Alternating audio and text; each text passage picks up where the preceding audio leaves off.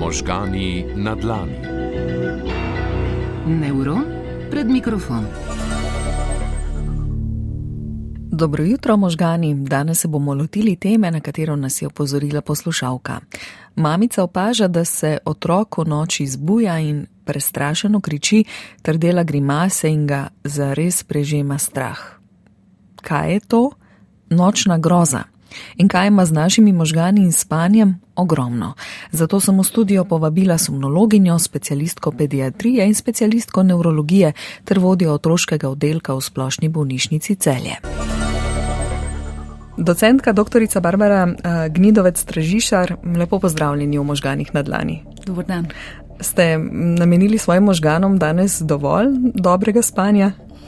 Žal moram tukaj reči, da ne, ker ti so bile okoliščine take, sicer pa s spanjem nimam težav. Kolikor imam dovolj priložnosti, potem spim dobro in spim, mislim, da tudi dovolj.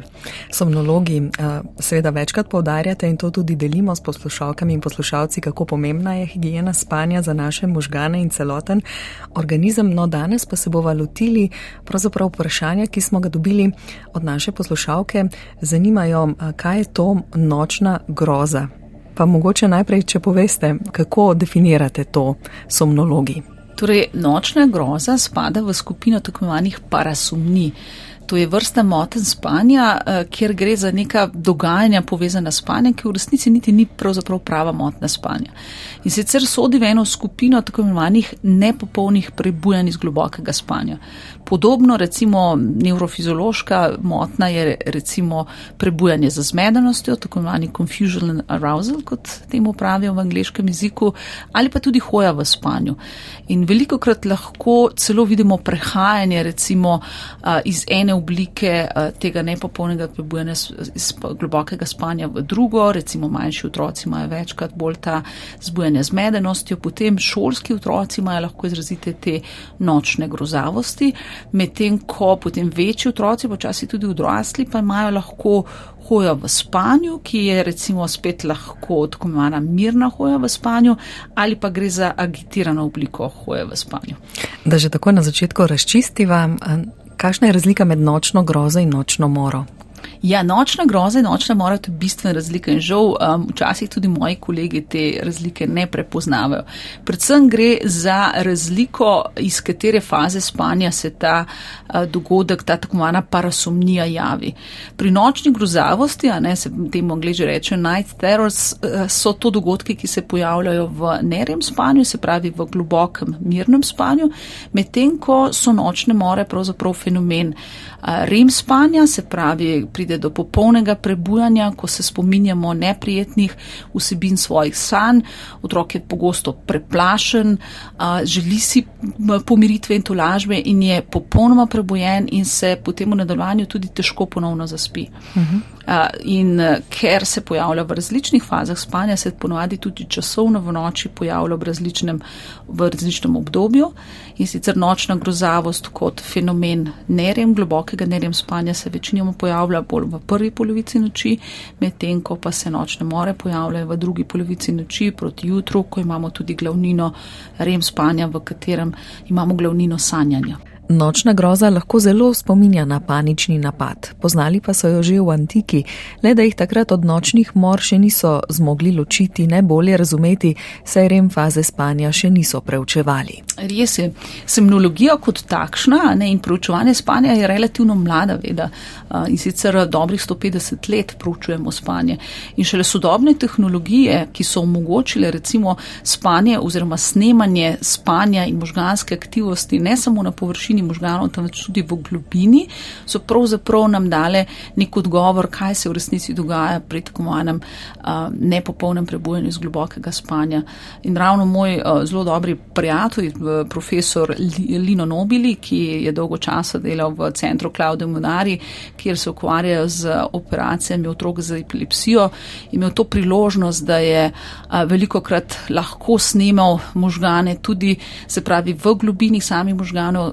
Možgansko aktivnost in je pri teh parasomnijah dognal, da gre pravzaprav za neko mešano stanje, se pravi, določeni deli možganov so budni, medtem ko glavnina možganov, če temu tako rečemo, pa pravzaprav spi. Kateri deli možganov pa so tisti, ki so budni, ko se potem pojavi nočna groza? Budni so predvsem tisti deli, ki so odgovorni za naše čustvovanje, se pravi limbični sistem, amigdala. V primeru hoje v spanju tudi možganska skorja odgovorna, se pravi za gibanje, za se pravi motorična skorja.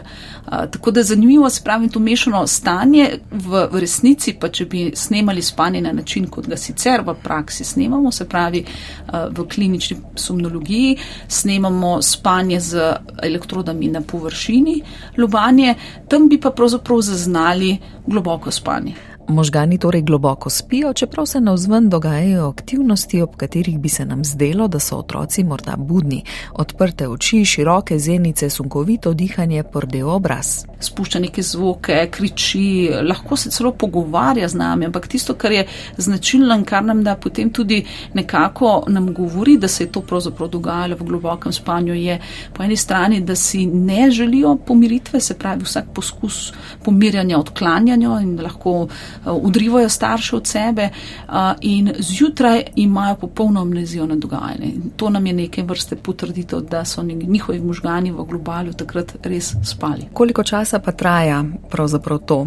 Če pogledamo na neko nočno dogajanje. Zdaj, same epizode nočne groze so običajno kratke, nekje 5 do 10 minut. Nekoliko daljša so tako imenovana eh, prebujanja za zmedenostjo, ki, kot smo rekli, gre za različno obliko pravzaprav zelo podobnega fiziološkega dogajanja, ki običajno vidimo pri nekoliko mlajših otrocih. Tisti dogodki lahko trajajo tudi do 20 minut, 30 minut, ne nekega nepojasnenega joka, neke, neke uh, zmedenosti in ob tem uh, tega občutka, da nimamo občutka, da je otrok dejansko v, v celoti prebojen in tudi, da nas udriva, da si ne želi neke pomiritve. Medtem ko hoje, epizode hoje v spanju so pa nekako tudi podobne časovnemu trajanju nočnih groz.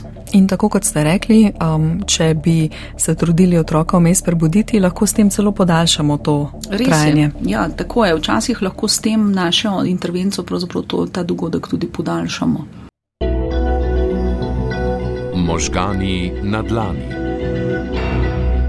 Morda je to zbudilo tudi vaše zanimanje. Docentka dr. Barbara Gnidovec Tražišar je z nami. Danes govorimo o nočni grozi, ki je najpogostejša pri otrocih. To pa čisto iz enostavnega razloga, ker imamo takrat največ globokega spanja.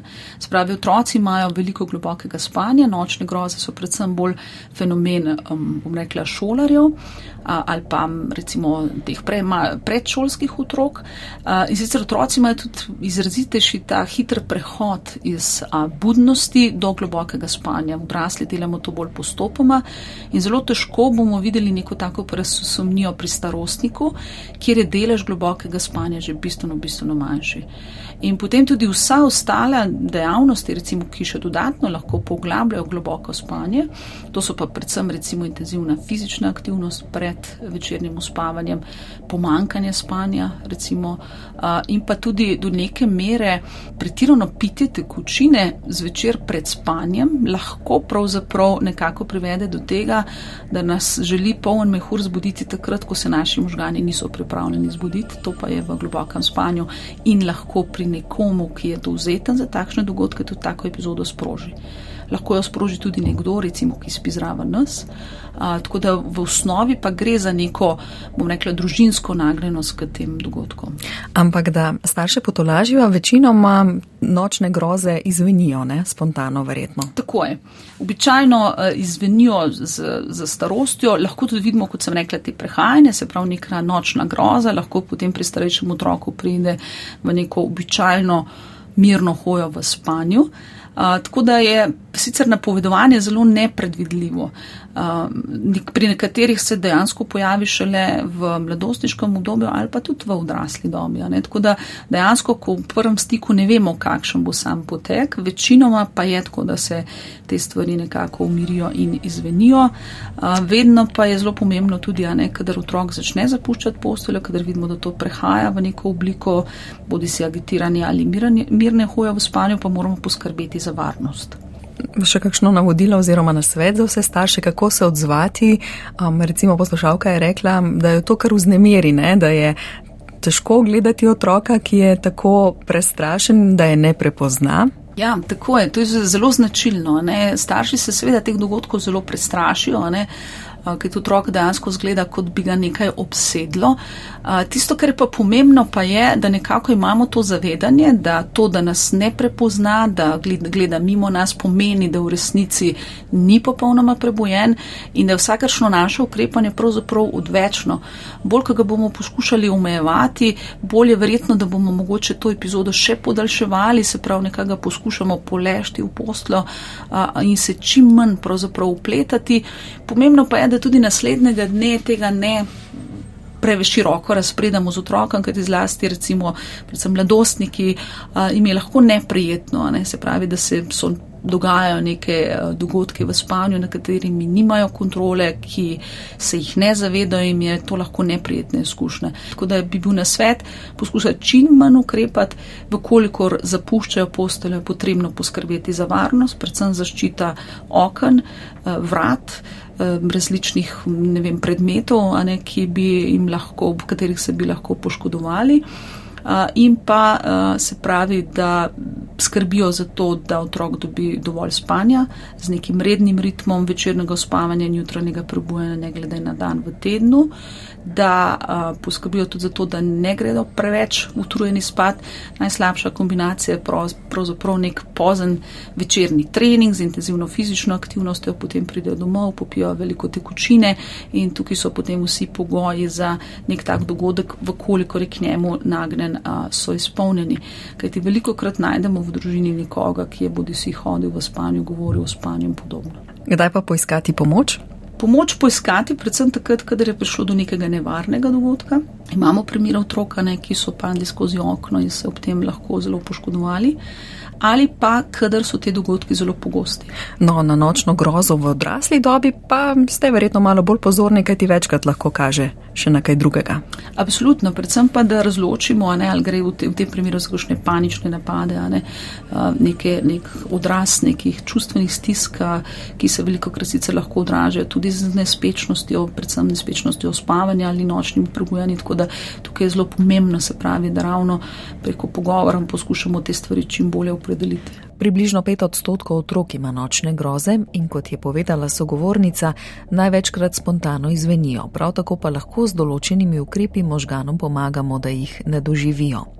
Nočna groza ni enako nočna mora, je pa razumnija, ki pa seveda ni edina motnja spanja pri otrocih, kjer je najpogostejša nespečnost, pa motnje dihanja v spanju, največkrat zaradi povečanih mandljev in žrelnice, motnje gibanja v spanju, kot je sindrom nemirnih nog, narkolepsija tipa 1, ki je sicer redkejša, a jo je pomembno dovolj zgodaj diagnosticirati. To je samo nekaj, še veliko tem za prihodne epizode, se strinjava z docentko dr. Barbaro Gnid. Vidovec Tržišar. In za konec še moje najljubše vprašanje. Že imamo odgovor na to, zakaj spimo? Imamo kar veliko idej, ampak popolnega odgovora ne. Zdaj, stališče otrok nekako razumemo, da otroci potrebujejo več spanja, predvsem, ne, če pomislimo na vse te povezave, kako zelo je spanje pomembno za spomin, se pravi za pretvorbo kratkoročnega v dolgoročni spomin, kako je spanje pravzaprav pomembno tudi za našo presnovo in seveda za naše dnevno funkcioniranje. Nimamo pa seveda vseh odgovorov, zakaj v resnici spimo. Veliko se dogaja, verjetno bo še veliko let minilo, ampak verjetno je to potem nekako mogoče celo mesto za novo Nobelovo nagrado na področju somnologije. In budno bomo vse skupaj spremljali tudi v naših oddajah. Možgani na dlani. Neuron pred mikrofon.